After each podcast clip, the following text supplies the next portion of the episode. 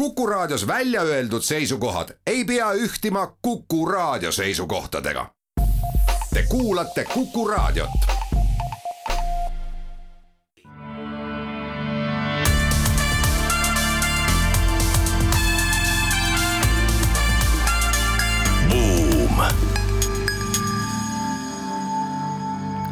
tere päevast, on kahekümne viies mai, kell on saanud kümmekond minutit üks läbi, oleme taas eetris Buumi saatega, saatejuhid Anto Liivat ja Raivo Vare.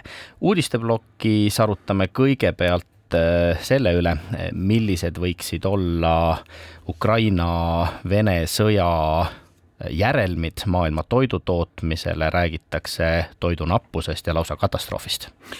teise uudisena me räägime sellest, et sõda paraku avaldab mõju ka keskkonnale, kuna meil on ka täna põhifookus teemaks on rohepööre, siis, siis loomulikult ei saa me sellest mööda minna, sest ka seesama sõda Ukrainas teeb päris palju halba meie kliimale Ameerika Ühendriigid on teada andnud uuest majanduspoliitika raamistikust, koostööleppest Kagu-Aasia riikidega, vahetame mõtteid selle üle, kes leppega ühinenud on ja kes ning miks seda ei tee ja äh, neljanda uudisena traditsiooniliselt on meil ka see küsimus, äh, millise pilguga peaksid ettevõtted oma kestlikkuse strateegiad üle vaatama, arvestades, et äh, uues olukorras on väga suured väljakutsed.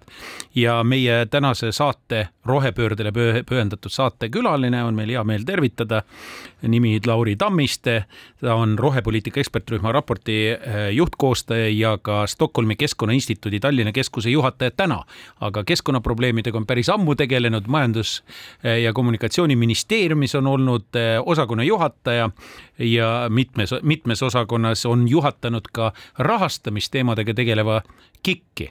nii et me oleme õige mehe leidnud meie saatesse. tere tulemast. tere, tere, tänud kutsumast.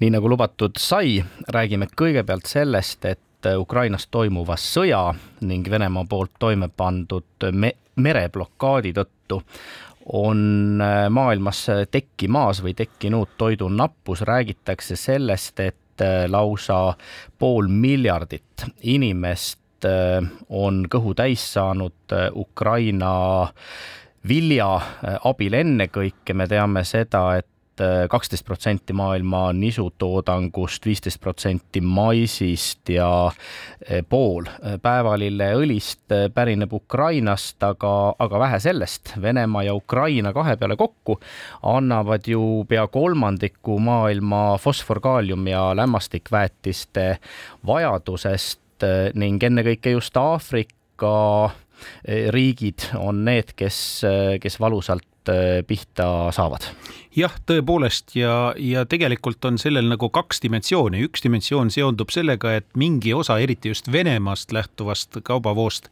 vastava kaubavoost, olgu nad väetised või olgu nad, olgu nad toiduained, seal on tegu ka osaliselt sanktsioonide mõjuga ja kogu kaubavahetuse nii-öelda struktuuri muutusega seoses sõjaga, aga Ukraina puhul, kes on ju eriti oluline tegija ja kelle jaoks näiteks on kaks sellist riiki nagu Liibüa ja Egiptus, kus on kaheksa kaheksakümmend protsenti äh, teravilja ja jahutoodetest on tegelikult sealt pärit, siis seal on loomulikult äh, mõnedes riikides viiskümmend, kuuskümmend veel ja seal loomulikult on Ukraina probleem suurem. Ja Ukraina probleem on nüüd hoopis teises kontekstis, nimelt venelased lihtsalt takistavad Ukraina eksporti, lihtsalt ei lase seda välja vedada, ei lase teda ja kui välja ka midagi veetakse, siis hoopis nemad üritavad varastada seda vilja ja oma viljapähe nii-öelda maha müüa, mida muuseas soovitatakse mitte teha et osta nende käest, nii et tulemuseks oligi üsna hiljuti, nad üritasid mitu laeva Berdjanski sadamast välja viia ja, ja siis müüa seda oma vilja pähe.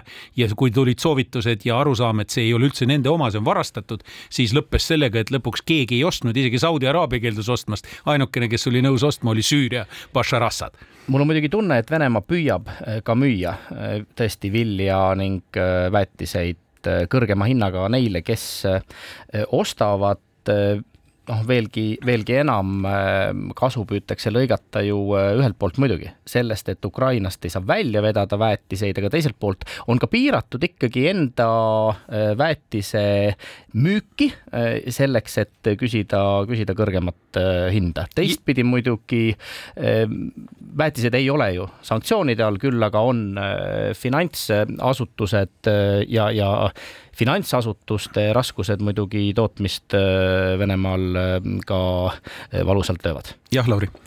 ja kahtlemata ma arvan, et väga paljude nii-öelda kaupadega me näeme seda, et, et tegelikult see nii-öelda nappus ja, ja tarneahelate probleemid lükkavad hinda üles ja tegelikult Venemaa tulud väga paljudes kaubagruppides, mis on sanktsioonide all, on tegelikult kasvanud tänases äh, vist Päevalehes oli ka uudis tegelikult, Eestis samamoodi väetiste ost Eestisse või liikumine Eesti kaudu on kasvanud kordades ja kordades, et tõenäoliselt nende sanktsioonideks valmistumise egiidi all on igaks juhuks hakatud ostma või liigutama sama puiduga, eks ju.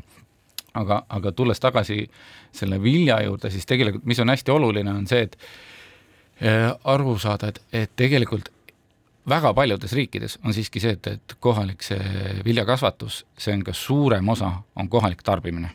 Nii-öelda kohaliku to toidutööstuse puhul, pluss ütleme, tegelikult see nii-öelda toiduks ja inimeste kasutamiseks on, on võib-olla kaks kolmandikku kogu sellest viljamahust, et tegelikult kakskümmend protsenti või natuke rohkem on loomakasvatuseks, nii et ta mõjutab loomakasvatust ka, liha tootmist lõpuks, eks ju, väga tugevalt.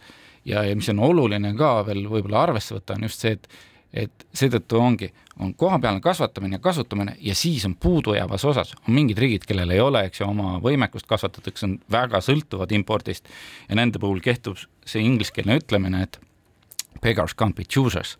Ehk äh, väga tugevalt dikteeritakse, eks ju, müüjate poolt nüüd, mis juhtuma hakkab ja väga haavatavad on just mõned riigid siis jah, ja muidugi on ka siin veel omaette, kuna meil on see teema, siis lausa kohe ise küsib, et sellest ka rääkida, kliima mõjutab. Mm.. tänane probleem on selles, et Aafrika sarvel on täiesti, Aafrika sarv on teadupärast väga rahvarohke, seal on täielik põud ja tohutu kuumus, sama asi näiteks on äh, Lähis-Idas, Keskmises Idas ja on Pakistanis täiesti juba looduskatastroof, nad räägivad, et ainult kakskümmend viis protsenti saagikusest sel aastal on üldse saavutatav klimaatiliste piirangute tõttu. kuumus ja, ja põud on nüüd ründamas Indiat, India muuseas on nüüd see Lauri räägitud riik, kus on, äh, kus on maailma suuruselt teine nisutootja on India muuseas mm., nii nagu ta on maailma suurim piimatootja, keegi ei tea. ja samal ajal on tal probleem praegu, et neil saagikus võib langeda vähemalt poole peale nad on juba katkestanud, neil enne olid ülejäägid, nad isegi müüsid mm. turul nelikümmend viis miljonit tonni aastas, nüüd nad ei tohi seda enam teha. ja, ja see omakorda süvendab seda defitsiiti ja Ukraina puhul on see häda, et neil on umbes kakskümmend miljonit tonni üle.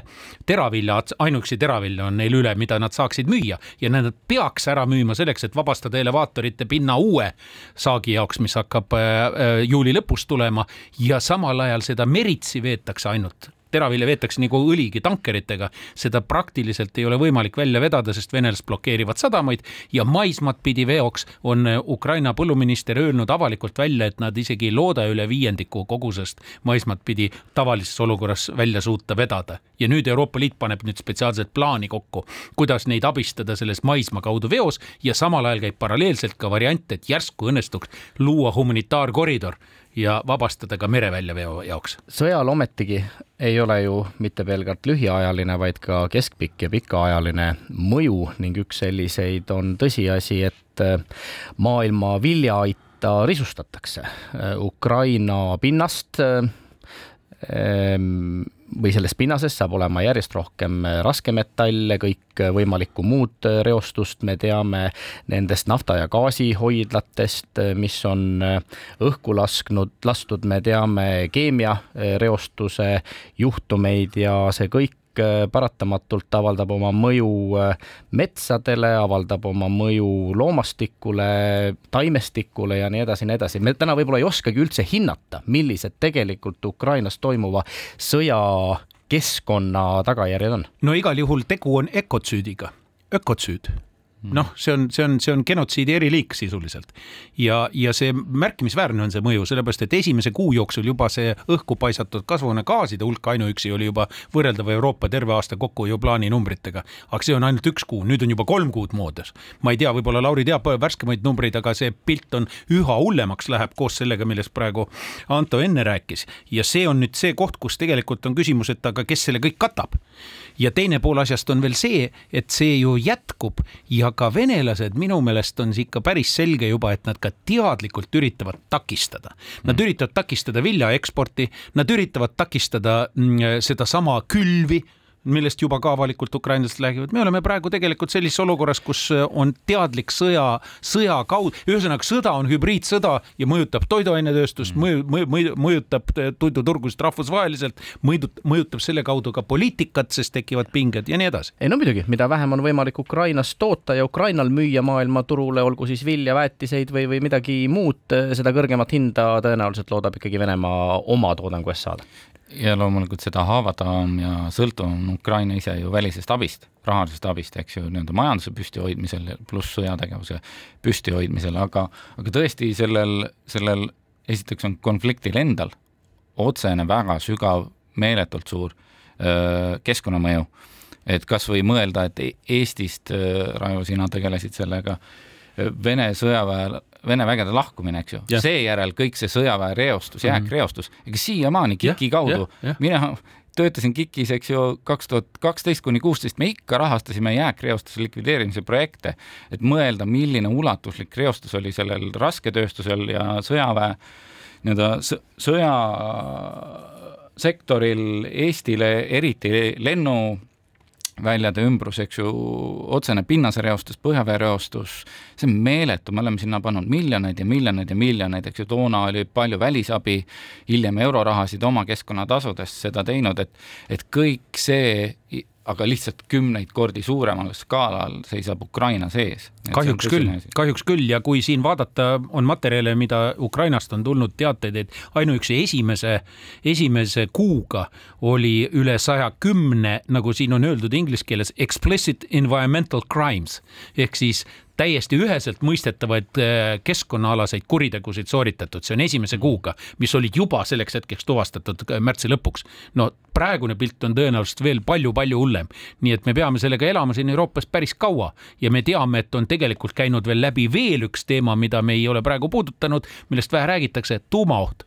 Sellepärast et ka siin venelased andsid oma panuse, et ähvardada Euroopat sisuliselt tuumaohuga läbi selle, mis nad tegid Tšernobõlis, mida me oleme teadnud, kuulda saanud ja, ja mis nad seal Zaporoži all on üritanud suurimas Euroopa tuumajaamas nii-öelda ähvardades teda sisuliselt sõjategevusega teinud, nii et me oleme praegu tunnistajaks sellele, et sõda on halvim asi, mis saab keskkonnaga juhtuda, mitte ainult inimestega.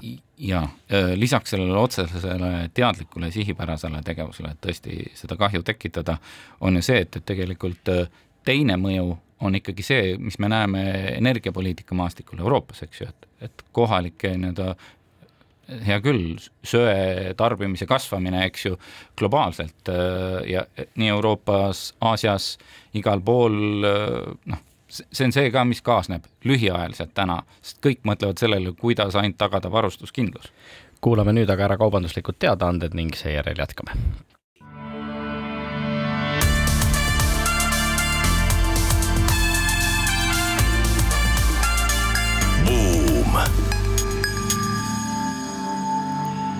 Oleme tagasi reklaamipausilt ja saatejuhid, nagu ikka, jätkuvalt äh, Anto Liivat ja Raivo Vare, külas on Lauri Tammiste ja me räägime tegelikult äh, järgmise teemana esmaspäeval toimunud äh, minu arvates suhteliselt olulisest muudatusest. et sellest aru saada, miks see oluline on, siis ma räägiks kaks sõna ka ajaloost. nimelt me teame, et eksisteeris selline asi nagu TPP ehk siis Trans-Pacific Pact ehk see oli siis katse Ameerika Ühendriikide juhtimisel luua Vaikse ookeani basseini ümber selline äh, leping, nagu kaubanduslepingute eh, süsteem eelkõige, mis oleks siis hõlmanud neid riike sealt ja oleks välja jätnud Hiina. see oli selgelt nii-öelda Hiina, Hiina, Hiina nii-öelda vastane. Hiina tegi paralleelselt oma asja Comprehensive äh, Economic Pacti, mis oli siis Regional Economic Pact, RCEP, mis oli siis mõeldud vastukäiguks ja siis tuli Trump ja Trump esimese asjana üldse, mida ta tegi, kui ta astus ovaalkabineti uksest sisse pärast inaugureerimist, oli kohe esimese demonstratiivse aktina tühistas Ameerika Ühendriikide allkirja sellel TPP-l. selle peale TPP osalised muidugi otsustasid, et nad mingil kujul jätkavad koostööd, neil oli järgmine formaat üheteistkümnel riigil kokku pandud, millega nad ka natukene üritas toimetada ja samal ajal tuli Hiina ja pani kokku siis sellise formaadi oma RCEP-i, mis haaras viiteist riiki ja kuhu pidi tulema ka India, sellest räägime eraldi, aga kuhu ta veel ei, ei olnud valmis tulema, aga tal on carte blanche alati sisse astuda. ja nüüd siis on Bideni administratsioon ärganud, Ühendriigid on ärganud ja nüüd tuli uus initsiatiiv Bideni Kagu-Aasia visiidi ajal ja moodustati ka kolmeteistkümne riigiga selline asi nagu äh,, nagu äh, äh, majanduslik äh, äh, see on framework, see on siis kuidas seda nimetada? raamistik. raamistik. põhjus, miks on selline kaval nimi välja mõeldud, on sellepärast, et kui enne oli nende paktide aluseks, kõikide nende võitlevate äh, regionaalpaktide aluseks oli tegelikult eelkõige äh, kaubanduslepete süsteemi loomine, siis nüüd Ühendriigid esimest korda muudavad seda aktsenti ja avalikult on rääkinud selle eesmärk, ta on ka tänu sellele natuke üldsõnalisem, selle eesmärk on luua uus keskkond standardide mõttes, sest tegelikult majanduslik tehnoloogilis platvormide konkurents teravneb. Hiina tahab siin luua oma nii-öelda keskkonda ja nüüd selle vastu astutakse Ameerika Ühendriikide juhtimisel esimest korda avalikult ja selgesõnaliselt ja loodetakse ka seda äh, mõjuala veel ka laiendada Aasiast edasi. ja mõjuala on umbes nelikümmend protsenti äh, maailma sisemajanduse kogutoodangust äh, ning samavõrd kõnekas kui see, millised need kolmteist riiki on, sealhulgas Austraalia, India, Jaapan, Lõuna-Korea, on muidugi ka see, millised riigid Äh, selle raamistikuga ühinenud äh, ei ole, on ka terve hulk riike, kes äh, ütlevad, et ka Hiinale peaks see raamistik olema avatud, sest Hiina on just nimelt nende riikide jaoks väga oluline kaubanduspartner. aga neli suurt fookust siis, esiteks kaubavahetus, teiseks tarneahelad, kolmandaks energia ja neljandaks kõik see, mis seondub sotsiaalse õiglusega, peaks olema siis nende uute standardite fookuses. kongressis on nii demokraatliku vabariiklased raamistikku kritiseerinud ennekõike oma selle hambutuse tõttu. no arvan, ta on liiga üldine, raamistik sina ise ütleb, et on natuke üldine. just ja, ja, ja noh, kui nüüd lugeda ridade vahelt seda, mida seal kirjas ei ole ja kuidas ikkagi ameeriklased üritavad asjast kasu lõigata, siis mina ütleksin välja kaks asja, ennekõike rohepöörde võtmes. esiteks avab rohepööre võimalusi Kagu-Aasia riikidele oma metallivarude ja haruldaste metallide varude realiseerimiseks, noh, me räägime siin niklist, vasest äh, ja, ja paljudest äh, teistest.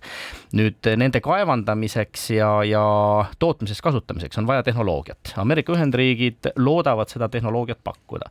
teine asi seondub, ma arvan, eelkõige Indiaga et kui regioonis üldiselt on energia tarbimise vajadus kasvanud umbes kolm protsenti aastas, siis India on ju väga ambitsioonikalt välja öelnud, et et pool nende elektrist peaks äh, taastuvallikatest tulema aastaks kaks tuhat kolmkümmend, aga noh, selle kõige jaoks on vaja kõigest sada kuuskümmend miljardit dollarit aastas. Ja noh, kes muu kui Ühendriikide suured finantsinstitutsioonid peaksid seda madala intressiga pikka raha kindlustama. tuletame ka meelde kuulajatele, et tegelikult kui oli COP kakskümmend kuus, siis tegelikult seal India ütles ka selle välja, et te peate meile raha andma sõna otseses mõttes öeldi seda välja, Moodi ütles seda ja teiseks Indiaga, Moodi andis ka selge, see jutt on siis India peaministrist, andis selge indikatsiooni, et India nii-öelda võimekus kahe tuhande viiekümnendaks aastaks saavutada kliimaneutraalsust on siiski küsimärgi all ja noh, kui me võtame ja, ja nad, ta rääkis tähtajast kaks tuhat seitsekümmend, mis on omaette peavalu maailma mastaabis.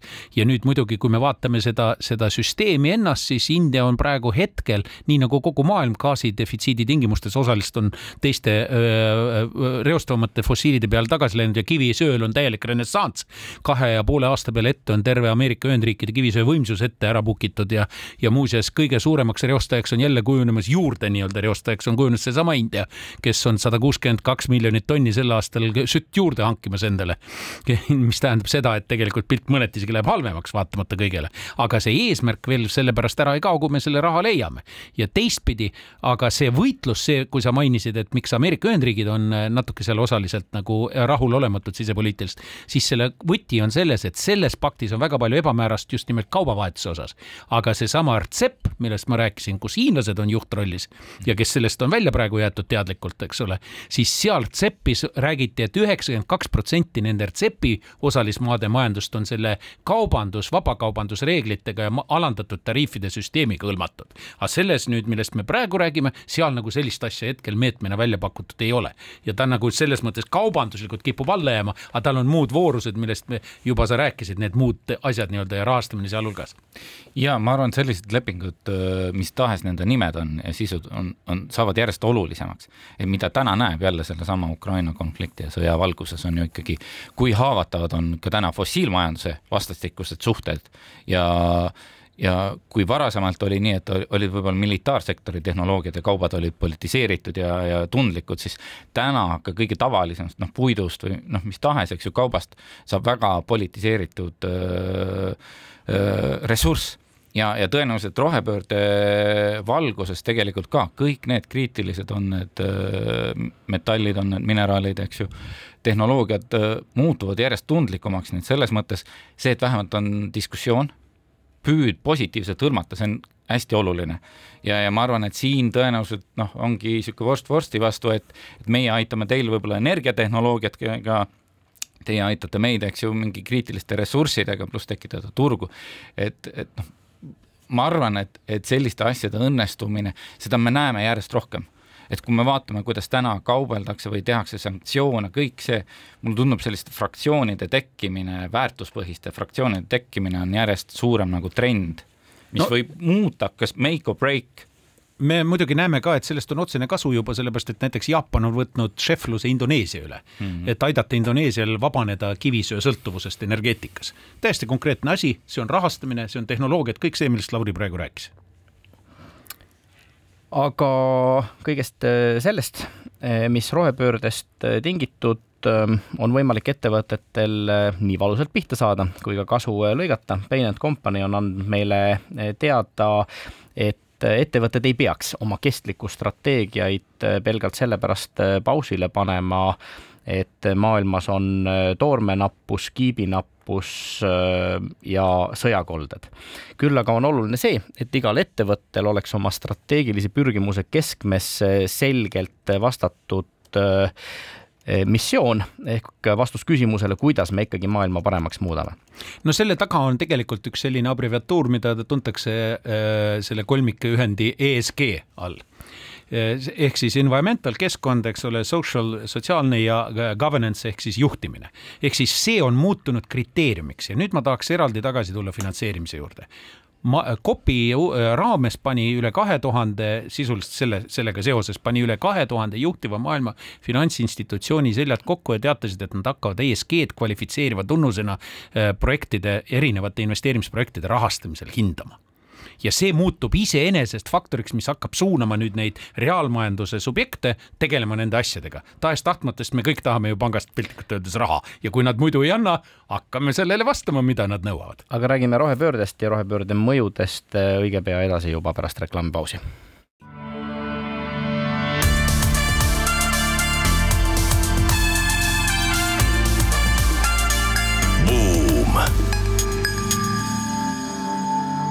oleme tagasi Buumi eetris, saatejuhid Anto Liivet ja Raivo Vare. meie külaliseks on Lauri Tammiste, rohepoliitika ekspertrühma raporti koostamise juht. avasime ennist arutelu Bain and Company värske uuringu üle, mis ütleb, et nüüd, mil keskkonna sotsiaalsed ja valitsemisaspektid on üha olulisemad, peaksid ka ettevõtted enda jaoks selgeks mõtlema selle, kuidas nad maailma paremaks muudavad ja erinevate stsenaariumide kontekstis suudavad siis ka oma taktikalisi valikuid õigesse konteksti asetada. lisaks sellele loomulikult eh, on ESG toonud fookusesse uued ärimudelid, vajaduse kontrollida oma tarneahelaid, tegutseda läbipaistvalt, ning mõelda ka süsteemselt läbi selle, kellega ning kuidas ökosüsteemis laiemalt tehakse koostööd, aga veelgi enam, ESG peaks ju muutuma juhtimise loomupäraseks osaks. Jaa, ma, ma olen väga sageli öelnud seda, et minu unistus on sellest, et me enam ESG-st ei peaks rääkima. just nimelt, et, et keskkonna ja kliima äh, aspektid on elementaarsed osad, et su ärimudel on nii-öelda vastavuses kestlike printsiipidega, eks ju, ja kliimakindel, kliima ja tuleviku kindel. et ma, minu jaoks heaks mõõdikuks on see, et kes räägib ettevõttes ESG teemadel.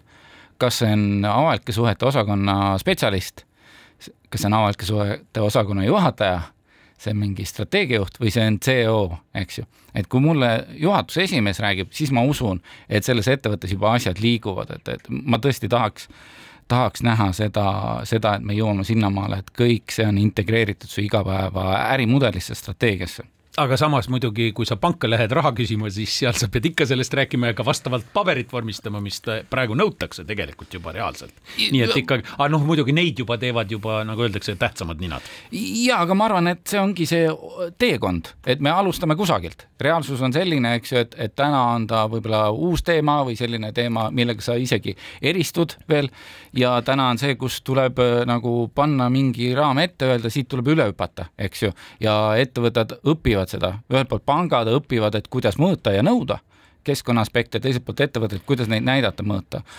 No suurte ettevõtete tarneahelate juhid Baini uuringus ütlesid, et nad äh, plaanivad äh, järgneva seitsme-kaheksa aasta jooksul kahekordistada oma, oma käibe ringmajandustoodetest nii et seal on kindlasti olemas oma pragmaatiline rahaline ja, ja ettevõtte ning tema omanike jaoks kasulik mõõde ja see on tegelikult see, millest peakski edasi nüüd äh, rääkima, arvestades seda, et Lauri on siis ka selle rohepoliitika ekspertrühma raporti üks juhte olnud ja, ja, ja ta on Stockholmi Keskkonnainstituut Tallinna Keskuse juhatajana selle keskkonnatemaatikaga nii rahastamise kui muudes aspektides nii kaua tegelenud juba ka oma eelmistes eludes, et nüüd ongi paras aeg raportist edasi minna. Äh, miks seda raportit vaja on, mis, mis on selle asja mõte? Meil oli paar suurt küsimust valitsuse poolt, et teadupoolest eelmine aasta valitsus tegi oma rohepoliitika juhtkomisjoni, mille mõte oli just see, et anda hoogu juurde, sest ühelt poolt oli Euroopa tasandil eesmärk viiskümmend viis, eks ju, pakett vedanud väga palju algatusi ja tundus, et niimoodi ministeeriumide ja valdkondade kaupa toimetamine, noh, ei piisa sellest mm, -hmm. et anda hoogu juurde ja siis tekkis kohe ka neil küsimus, okei okay,, aga noh, et meil oleks vaja panna see tervikpilt kokku. Eesti tervikpilt. Eesti tervikpilt ja nii et põhiküsimused, ülesanded, mis ekspertrühmal oli see, et pakkuge nagu hea definitsioon, mis see rohepööre Eesti kontekstis võiks tähendada, siis andke hinnang, et kus me täna oleme mm -hmm. nii-öelda tegevuste mõttes, mis on olemas, mis ei ole olemas, mis on põhiprobleemid, pudelikaelad, eks ju, täna, et selleks, et kiirelt edasi liikuda ja mis on võtmesoovitused.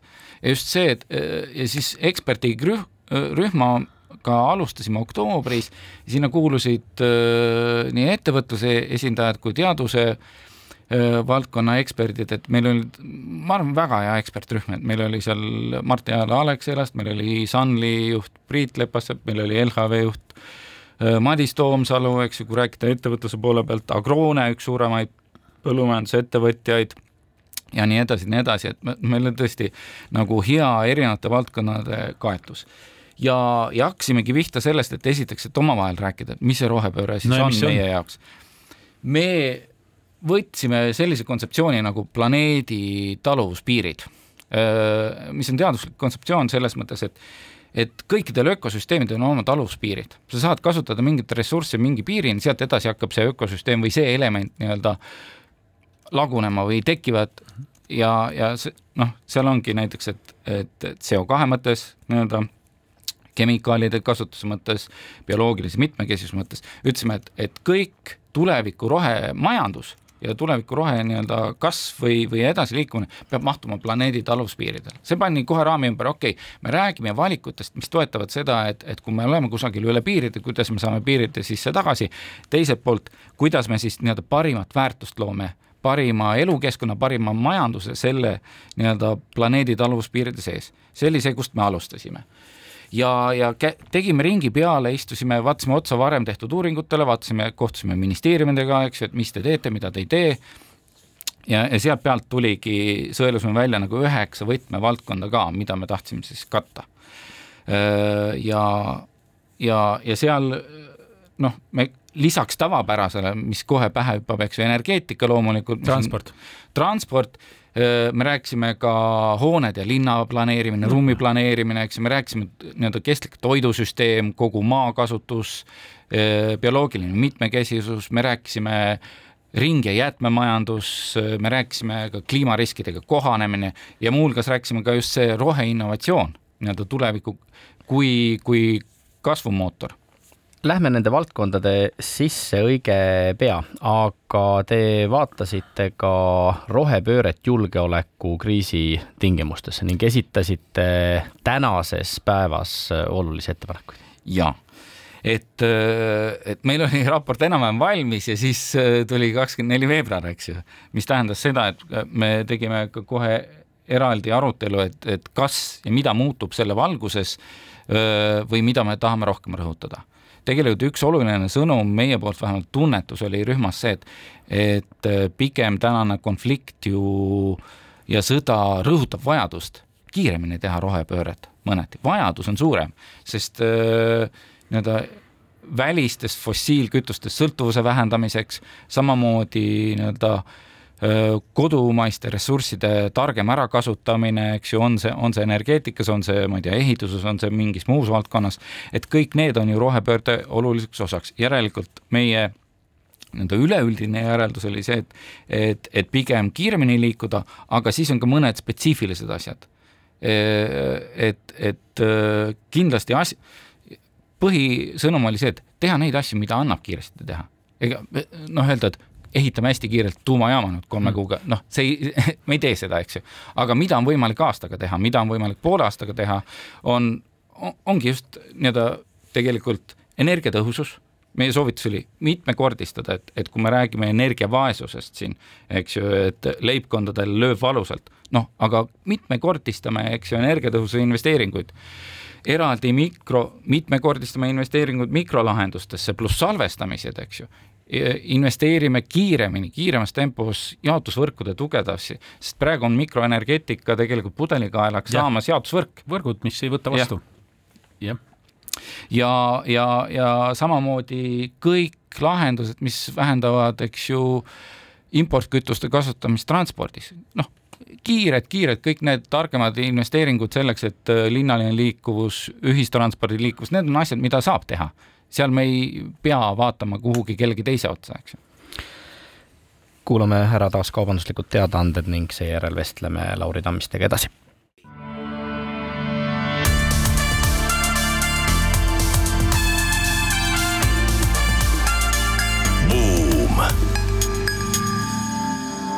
Buum on tagasi pausilt ja saatejuhid äh, Anto Liivat ja Raivo Vare ja külaline äh, Lauri Tammiste. Laurile jäi jutt parajati pooleli enne vaheaega sellest, et äh, selle raporti pinnalt ja lähme siis ka sellest edasi ütle palun, mis on sinu ettekujutus sellest, kuidas, kuidas need asjad kõige tähenduslikumalt meie jaoks toimiksid? Ja muidugi mina tahaksin oma lemmikteemat energeetikat kohe puudutada ja räägi sellest ka, mida sellega teha, me oleme hädas. ja ka ener-, energeetika on ka minu suur armastus, aga, aga noh, tegelikult sõnum oli see, et, et me peame tegelema kõikide nende teemadega, mis ma enne mainisin, et me ei saa ainult energeetika tegeleda, vaid muudatusi on vaja kõikides sektorites, see oli üks sõnumeid siis oluline sõnum oli see, et hakkame varem pihta, õpime minevikust, et hästi palju on tänaseks teadusuuringuid, mis näitavad seda, et me oleme teinud oma elu raskemaks, et need kliimamuutuste kahjud, majanduslikud kahjud on kasvavad äh, kogu aeg, et, et ennetame neid nii palju kui Aga võimalik. samas see eeldab, et sa näed tervikpilti. jah, just ja, ja ja kolmandaks, mis oli nagu hästi oluline sõnum, mida me oleme püüdnud rõhutada, mis on võib-olla keeruline kommunikeerida, on keskendume palun nagu nendele asjadele, mis mitut kärbest korraga löövad. ehk toovad, iga investeeritud euro toob mitu positiivset nii-öelda kaasmõju. noh, näide, rohealad linnades, tundub luksuslik värk, eks ju, et, et me näeme pigem, tõmbame siia asfaldi, teeme paar teed ja kõigil hea, eks ju, autod mahuvad rohkem ja, ja, ja parkimiskohti aga roheala linnades, mida ta annab? esiteks, välisõhu kvaliteet on parem, konkreetne rahaline kahju on tegelikult inimeste enneaegne surm. Euroopas on äh, päris ulatuslik, eks ju, arv lühemalt tervelt elatud elu, haigekassa kulu, aga mida ei vaata, eks ju, äh, jälle see linnaplaneerimise otsuse tegija võib-olla. nii, teiseks, roheala, mida ta teeb linnas? vähendab kuumasaari, kuumasaared on täielik reaalsus mis tähendab seda, eks, et kuum peegeldub äh, majade vahel äh,, ei jahtu maha öösel, suvel, eks ju, asfalt ka ja viis, kuus, seitse, kaheksa kraadi kuumem see hoone, mis see tähendab? energiakulu, otsene rahaline kuju, eks ju, kulu jahutuse peale. Kõik need vaiksed nii-öelda hiilimisi kuluasjad, mida, mida kui ei küsi ja tervikuna ei vaata, makstakse kinni ja siis imestatakse, et, et küll on jama, eks ju et, et meie, meie nagu ekspertrühma sõnum oli just see, et korjame palun need nagu kulud ja miinused kokku ja siis küsime, mis tegelikult on soodsam.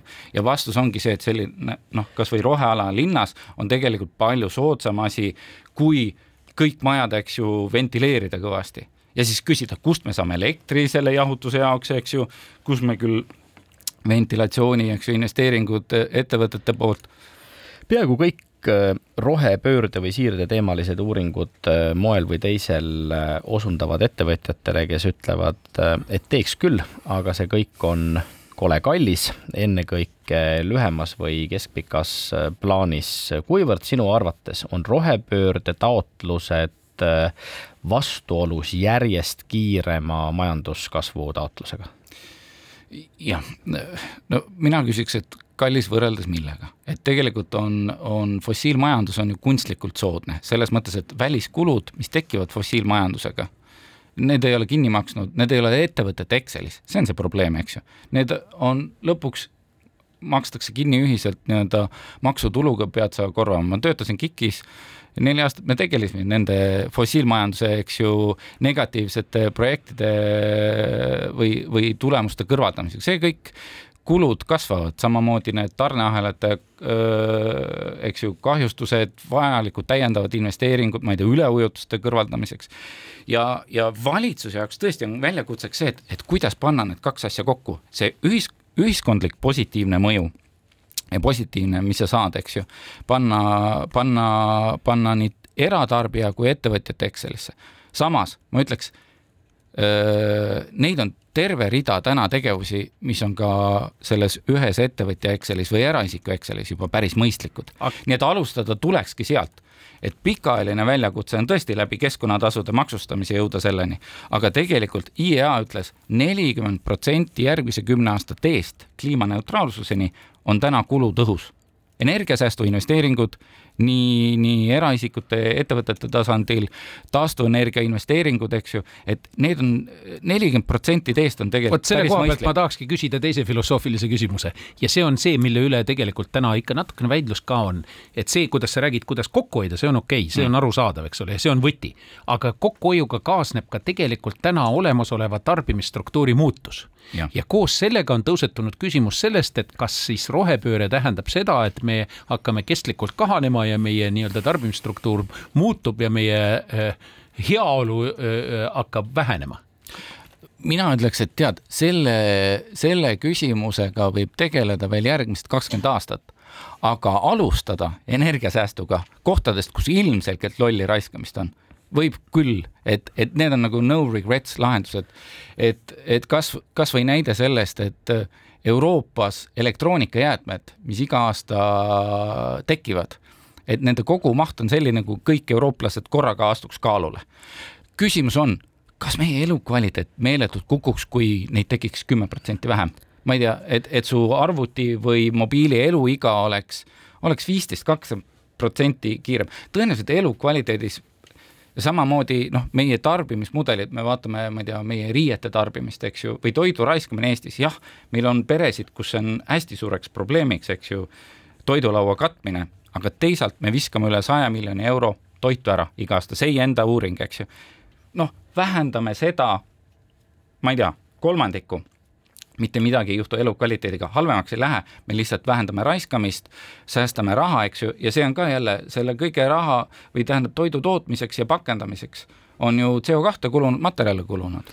Eesti on maailmas tuntud kui digiriik. me oleme viimastel aastatel järjest rohkem rääkinud sellest, et me oleme ka roheriik või vähemalt püüame olla samm-sammult äh, järjest rohelisem. kuidas on omavahel äh, seotud digi- ja rohepööre ning kuidas ettevõtjad võiksid vaadata oma ettevõtte tegevuse strateegia, ärimudeli kontekstis äh, rohe- ja digipöörde sünergiale, kust ja kuidas seda otsida? no seal on väga tugev sünergia, vaadates üldiselt, eks ju, et, et digilahendused ju on siiamaani kogu meie materjalivajadust või liikumisvajadust, noh, avalikud e-teenused on vähendanud seda, et me ei pea sõitma autoga kuhugi või pabereid liigutama, sellel on väga suur keskkonnamõõde. samamoodi ütleme, targad nutilahendused aitavad, ma ei tea, sul mõõta ressursikasutust. Eestis ka, eks ju, on need Timbeter ja teised äh, no needsamad ventilatsiooni ja energiakasutused, eks ole, targa majaga gridiod, targad, eks ju, energiatarbimised, juhtimised, need, need on sellised hästi madal rippuvad viljad, et kohe oma ressursikasutus optimeerida, panna sinna tarkus juurde. ja see on ka selge ärilise võiduga. see on selge ärilise võiduga, tasuvusajad tõenäoliselt on äh, väga kiired ja mõistlikud, eks ju, ja sinna juurde siis tuleb see raskem osa, eks ju, et okei okay,, meie kogu tarneahela ulatuses pilt ette saada meie logistika pool, eks ju, kuidas optimeerida, noh, et kas või Bolt on näidanud, et, et tühjalt liikuvad autosid või autoparki, eks ju, palju paremini. sama, sama, ma arvan, see tarkus tekib kõikidesse tarneahelate osadesse, parem fleet management, eks ju et, et ma arvan, siin on nii palju võimalusi äh, küll teha ja Eestil on nii palju tugevusi just nimelt, et, et kuidas panna need head, head IT-tugevused nii-öelda tavatööstuse ja logistikaga kokku kui vaadata valdkondade sisse veel väljapool transporti ja energeetikat, millest me oleme rääkinud, mida sa välja tooksid äh, selliste valdkondadena, kus on võimalik saavutada võrdlemisi väikeste vahenditega suur positiivne mõju? no ütleme nii, et, et neid kohti on ilmselt nagu kõikides sektorites ja just nimelt alustada hästi madal rippuvad viljad, aru saada, et kus, kuidas on ressursikasutus läbi selle. edasi kõik läheb juba natuke raskemaks, kui sul on arvestatav keskkonna jalajälg, noh, CO2 emissioonid, ütleme, põllumajanduses või tööstuses, siis läheb juba keerukamaks, eks ju, ja kallimaks kõik need lahendused. aga ma arvan, mis on ülitähtis, on kõikide ettevõtete puhul nende materjalivoogud eh, kasutus, tuleviku ärimudel peab vastama ringmajanduse vajadustele, eks ju. et kui täna kogu Eesti äh, majandusse minevatest ressurssidest ringleb ja taaskasutusse läheb kolm protsenti.